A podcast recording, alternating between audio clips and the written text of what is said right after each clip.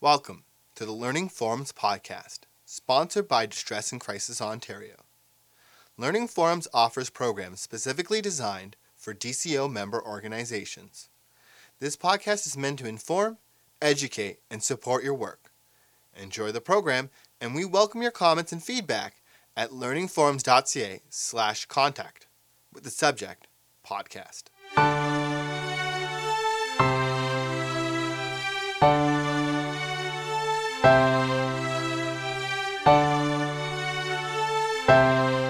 Wondering if we might start off by you sharing with us a little bit about Nick, your life with him, and Definitely. Um, Nicholas uh, is four years younger than me, so I I'm a middle child and he's the youngest, and um, we we were pretty close. I mean, he died when he was twenty. When he was twenty, so you know that's a, a, many years for us to grow up together, and we managed to my sister and I um, convince him to do a lot of things with us. So we always had fun. He was easy to kind of push around, but um, we were close. We lived in a small rural community, and Nicholas and I kind of were more of a country type, I guess, and we kind of connected that way. So we were in. We enjoyed the farming and the living out in country, I guess, more so than my older sister. So it was nice for us to connect that way and kind of have that bond. And we were close. It was it was a good relationship, and unfortunately, it was cut short. and can you tell me a little bit about how you felt uh, when it was cut short? Um, it was it was very surprising. I mean, we talk a lot about our situation, and we've heard a lot of different stories from many families, and um, it's it's difficult for us because we never had the signs to um, warn us ahead of time that there was even anything struggling, that our brother was, you know, having issues at all. Um, so it was very much sudden and we were unaware that it was a thought that he would think about on any occasion, let alone um, follow through with it. So it there's a lot of time during when we first found out that I really don't remember exactly everything that happened because it was like it didn't happen. I mean, it was it was pretty overwhelming to take it all in at once and and it was cuz you know, you spend the whole day with that person and and then suddenly, you know, how did you go from this point of you know, talking to you all day and, and then suddenly, you know, the next day you find out that they're not going to be there anymore. So it was, um, it was a lot to take in all at once for sure. did you find that there were supports to help you through that, or did you find you were uh, uh, alone? I'm sure your family was a great Yes. comfort to you, but you they were grieving as well. It was, I, it was different for all of us as an experience, but different for me because I work in the mental health field. I'm a child and youth worker. So, you know, a little bit about me, I stopped and thought, how could I not see this? You know, how, how could there be no signs and symptoms? I mean, I went through school and I've been working in the field for almost six years. So I kind of took a little bit of responsibility in that sense because, you know, Nick used to come to me and he would share that I have some anger issues or, you know, who should I talk to? What should I do? So, I mean, we had an open enough relationship. So I thought to myself, of course, how could none of this information be shared to me? So I struggled a little bit with that, but because of where I work, my work was very supportive. I don't think it would have been as easy for me to take the time off or to not have to worry about that if there was difficulties at work. So I think 100% they gave me any time that I needed and I didn't even have to worry about that. So worrying about, you know, providing for my family, which I wasn't married at the time, now I am. Um, and I don't have kids, kids or anything, but to worry about that as well as supporting everybody else in my family would have been an extra responsibility that I didn't need to handle. So that was nice and comforting. So supports from friends and family and work really was what pretty much got me through. I think many survivors will share that at times there's stigma attached to suicide. Some that they generate themselves or they feel themselves, others that they feel from society in general. Do you want to talk about that a it little was it was interesting with our family because uh, we're not like even though we live in a small town, you'd think it should be intensified um, right from the very beginning. What would be intensified? Um, the stigma, because we live in a small community. Like my understanding of stigma is everybody knows you, everybody talks about you and your family, and that's why you want to hide it. Is because everybody already knows everything about you, right? But it was so totally different for us. We were so comfortable. It was like we wanted to talk about it so much. So it was almost kind of a flip side where we wanted supports from people and we wanted them to know our story that it wasn't like we were hiding it and nobody wanted to. It was almost like we would talk about it all the time and we were really open about it. So that was extremely helpful. We whenever we did newspaper interviews or, or something like that we specified that we want it printed that he died by suicide. Um, and at work, for instance, when I called to say what happened, I wanted people to know not that my brother just died, but that he had killed himself because that's what happened. And maybe, maybe it's because um, a little bit about what I do. I work with people, and there's labels and all the time, and you know it doesn't affect how I think of people. So I didn't feel that it should be other people should be affected if they actually knew what happened. But um, I think it was very helpful that we were open about it. I myself have said you're a survivor of suicide. Yes. I have some curiosity as to how you feel about that label or that title, a, Yeah. a survivor of suicide. I, it was kind of my mother who discovered the terminology and um, when you read all of the information and the resources and everything else connected with survivors of suicide it really did fit so as long as we understand it as we survived the suicide in our family then it it really does work for us Good. Do you feel that people have an expectation of you once they know, or of your family? That they expect you to behave a certain way, to Um, It's funny because um, I'm normally, well, I'm always not not that I'm not right now, but um, I'm a very you know happy, relaxed, kind of easygoing person. Um, I don't tend to let things bother me for a long time, even though my sister or mother might think differently. But uh, so I remember the first couple of days, even um, people would come over to the house, and and you know they would actually say to my face, "You don't have to be happy all the time. Like you're actually allowed to cry." And you know, I mean, of course we cried, and I'm not going to cry 24 hours a day every day. But um, it's just funny how some people, I don't know if they were upset to see me happy or if they thought I wouldn't heal properly if I was trying to be happy. But I don't know, it was interesting. Like we we would sit and laugh so many times when we were um, talking about our brother. And um, and yeah, sometimes if there was other people around, you would wonder, is it okay if we laugh? Like here we are planning a funeral and you know, we're having fun because we're talking about memories and things like that. So it's interesting when you go to another funeral and you can remember what it was like for us because we made it a comfortable time. We created that atmosphere so it was happy because we had already gone through so much the days before. Um, that, yeah, everyone's understanding about it is totally different. Yeah. One always often hears the term closure when Mm-hmm. one talks about traumatic grief, which is what what you're experiencing or have experienced as a family member. Yes. How does that word apply to your situation, to you personally, or does it apply at all? Um, well, it's interesting because we've had people who ask us, or we have situations where we've met people who have grieved for 10 or 15 years. Like we've just celebrated, well, we've just hit a two year milestone with our brother's death. You know, two years, it seems like it's been a long time that we've lived without my brother. Now, maybe it's just because we've never experienced it before and I don't understand the time difference, but I don't know what it is. But we meet families who've, you know, 15 years ago they lost a child or, um, and they can't talk about it. And, and it's, I don't think I've gotten closure. I don't think there's such thing as closure because I think we've just changed. Like we've learned how to live our life with my brother who died by suicide. It's just a part of that now.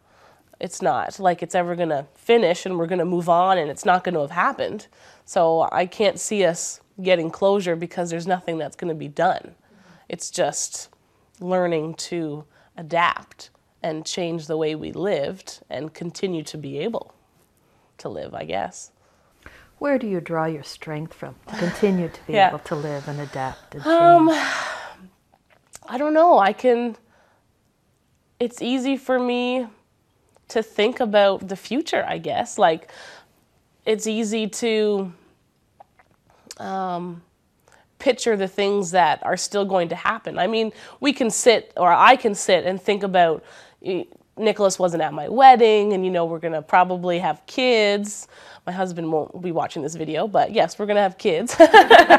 and um, you know, there's all those things that you, it, it's gonna be weird because I would have liked to have seen what that would have been like for him to be a part of that life. But I'm so excited that that's gonna happen sooner or later that I don't know. I can't just be sad about it. I don't know what it is. Like we were talking about everything happens for a reason and I mean sometimes you say that and it's there's timings for that saying. You don't say it right at the beginning of a um, traumatic event, but um, I don't know. Like I think our family has grown so much and just our extended family. We've changed so um, so much over the past two years and it's really been good for us. So I think, unfortunately, it had to be at the price of the loss of my brother, but I don't know. I think it's probably for good. Yeah. Wonderful, wonderful. Um, you, you understand and know that these um, that our conversation will be shared Yes. with distress line and crisis line workers throughout the province of Ontario and maybe more broadly than that.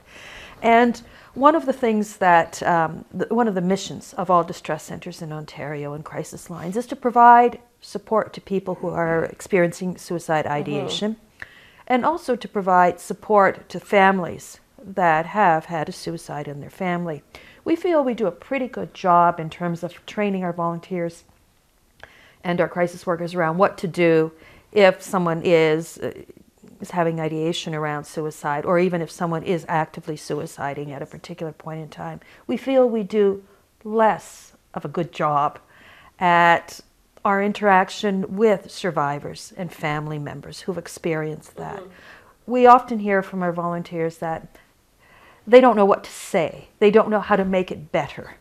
Um, we have discussions around is it about making it better? Maybe it isn't about that. Do you have some comments around that? I think they really want to talk. When somebody calls, it's not because um, it's not because they need you to tell them, you know, what to do or what not to do. It's just because maybe they don't have anyone that listens to them. Like we I like to talk. So I mean, it's different because I'll, everyone in my family is used to that. So we will sit there and you know take our turns and share our stories and um, and sometimes you feel bad because you talk so much that you know you make everybody else cry but then you take turns doing that right so i mean we were able to do that in our family and some families don't do that so it's very different to go into a household where everyone is just quiet and um, and people need an outlet so my understanding would be um, they want to share what their life was like and now it's changed and they just need someone to talk to so you need to listen. Thank you for sharing that. Thank you. Welcome, Marcia. Thank you very much for joining us today and giving us an opportunity to talk to you about Nick and uh, the issues around suicide. Thank you. I wonder if you might uh, want to start by telling us a little bit about your relationship with Nicholas, and um, we'll go on from there. I'm the oldest. Nicholas was the youngest. He was five years younger than me. He was the best gift giver. He always tried so hard and took so much time and um, got ideas to give the best gift. And if he, you didn't give him the reaction that he wanted from that gift, he wanted to take it back. he was very, he'd be very, I guess, embarrassed about the gift. Could you tell me a little bit about the last time you saw Nick? It was Mother's Day weekend, and we were all, we all met at, I was at a wedding, and after the wedding, my husband and I um, went to Melanie's, my sister Melanie's house. Um, and they live on a country road, huge yard. Um, and we had a picnic on her front lawn on the picnic table, and I believe we had barbecued something. Um, and Nicholas was in such a good mood. Someone had stolen my bike, so he had brought his bike for me to have. Um, I remember us having a rental car and him, him and um, Dan trying to get the his bike into the rental car. And I remember thinking that was so nice of him to offer up his bike because I really I was so upset. I didn't want to buy another bike. It was my brand new bike was stolen, so I was very upset. So it was nice that he had offered me that bike. And then he had showed us in the back of his truck he had built shelves for all of his, for his toolbox, for his helmet, for his shoes, for, for everything for his work. And it was so well organized. I, it was something I would have done. I'm, I'm a very organized person. So I should, he was so proud of how he built it. I just remember this, watching him give us the tour of his truck and how proud he was of it. And I just thought, like, he was just so happy. And we were we had such a good supper together. I just remember that day very vividly. And just to think about you know, I'm lucky that that's my last memory of him, but that also, for me, there was no signs that the next weekend he was going to be taking his life. To know, like, sitting with us all as a family was, you know, life was pretty good. And so, so I had thought. Mm-hmm. Mm-hmm. I think you have a unique perspective on suicide, being in the media yourself to some degree. I wonder if we could talk about that for a while now. Mm-hmm. Maybe you can give me some of the the pluses and the minuses that you see around mm-hmm. how suicide is treated in the media. Yeah. I went through for journalism and I remember learning when there is a suicide, you don't talk about it in the media um, you know, if, if this if it caused an accident or something, we'll just talk about the circumstances, We don't actually talk about what what happened or someone took their life or or or whatnot. You just leave that part out. But when that when I was touched by suicide, I went to all my media contacts because I wanted it to be talked about. Um, I don't remember questioning it in school, but as soon as I, it happened to me, I learned that this wasn't yes, it was a choice Nicholas made. I don't believe it was the Nicholas I knew that made it. It was a different side of him that made that choice. But I wanted people to know that, you know, it does happen. We should talk about it because we're talking about it isn't going to make everyone go out and do it just because someone else did it. Um, so I was very frustrated with that perspective of having to overcome it, having the media being very cautious about covering it and I wanted them to see it in a in a light of here's we could this is our chance to do something to raise awareness to help other people let other people know that you know it is something we go everyone goes through a lot of people go through sorry. But how frequent it happened i didn't realize how often suicide happened because it's not talked about. I didn't realize it was such an issue that we needed to raise awareness about. I wonder if we could talk a little bit about the transition that you would have um, had to have gone through from the time that your brother died to now. Is that a journey you made by yourself, with your family, or were there others who supported you through that journey?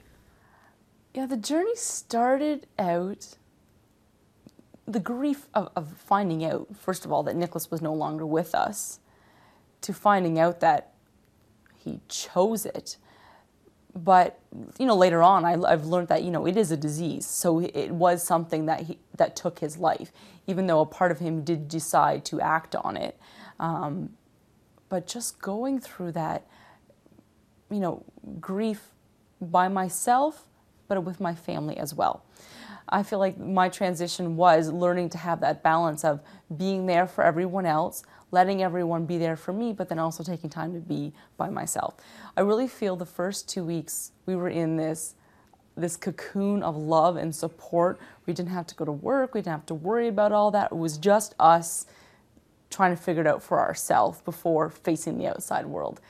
And I really liked the funeral for me was a celebration of his life. We got to go through all of his pictures. We put a collage together. Nicholas was cremated and we put his ashes in his boots. And I was very proud of our presentation, how we organized it all. So it went from this two weeks of this, you know, in the family cocoon to having to go out in public where I don't think I was quite ready yet. Um, I was really connecting with nature. I really want to just go for long walks and be outside and be for myself and journaling. I love writing. So I was journaling a lot. Um, and I had gone to counseling, but it wasn't it wasn't working. I, I went ended up going to three different counselors, but I felt like I already knew all the answers within me. So talking with the counselors for me it was like I was educating them more than you know than they were helping me out because I feel like I had the resources within my family talking with my mom, my sister, and myself, and my journaling and and just taking it one step at a time and just listening to myself. The biggest thing for me was learning. I couldn't push myself. I was very, I'm very, I'm a doer. I'm, I go, go, go. So I'm very used to pushing myself to the limits, and I had to learn for that little bit of time to just not to not do that, just listen to myself and not go to work if I couldn't. My work was very supportive. If, you know, after the two weeks, I went back to work for a bit and then I stayed home and went back to work. I worked from home, but I remember not having to be pushed. And if I did, then I would just learn to take a step back and say, okay, I've reached my limit. I need to just go for a walk outside for a little bit. So, yeah. So I, I, I met a lot of really good counselors and I gave them a lot of information, um, packages that we have put together. So I helped them you know, kind of learn about where I was coming from. Like, like I said, I found it was more educational for them than, than for myself. so that was kind of frustrating, actually. Um, I did do telephone counseling, which I found was nice just to check in with someone.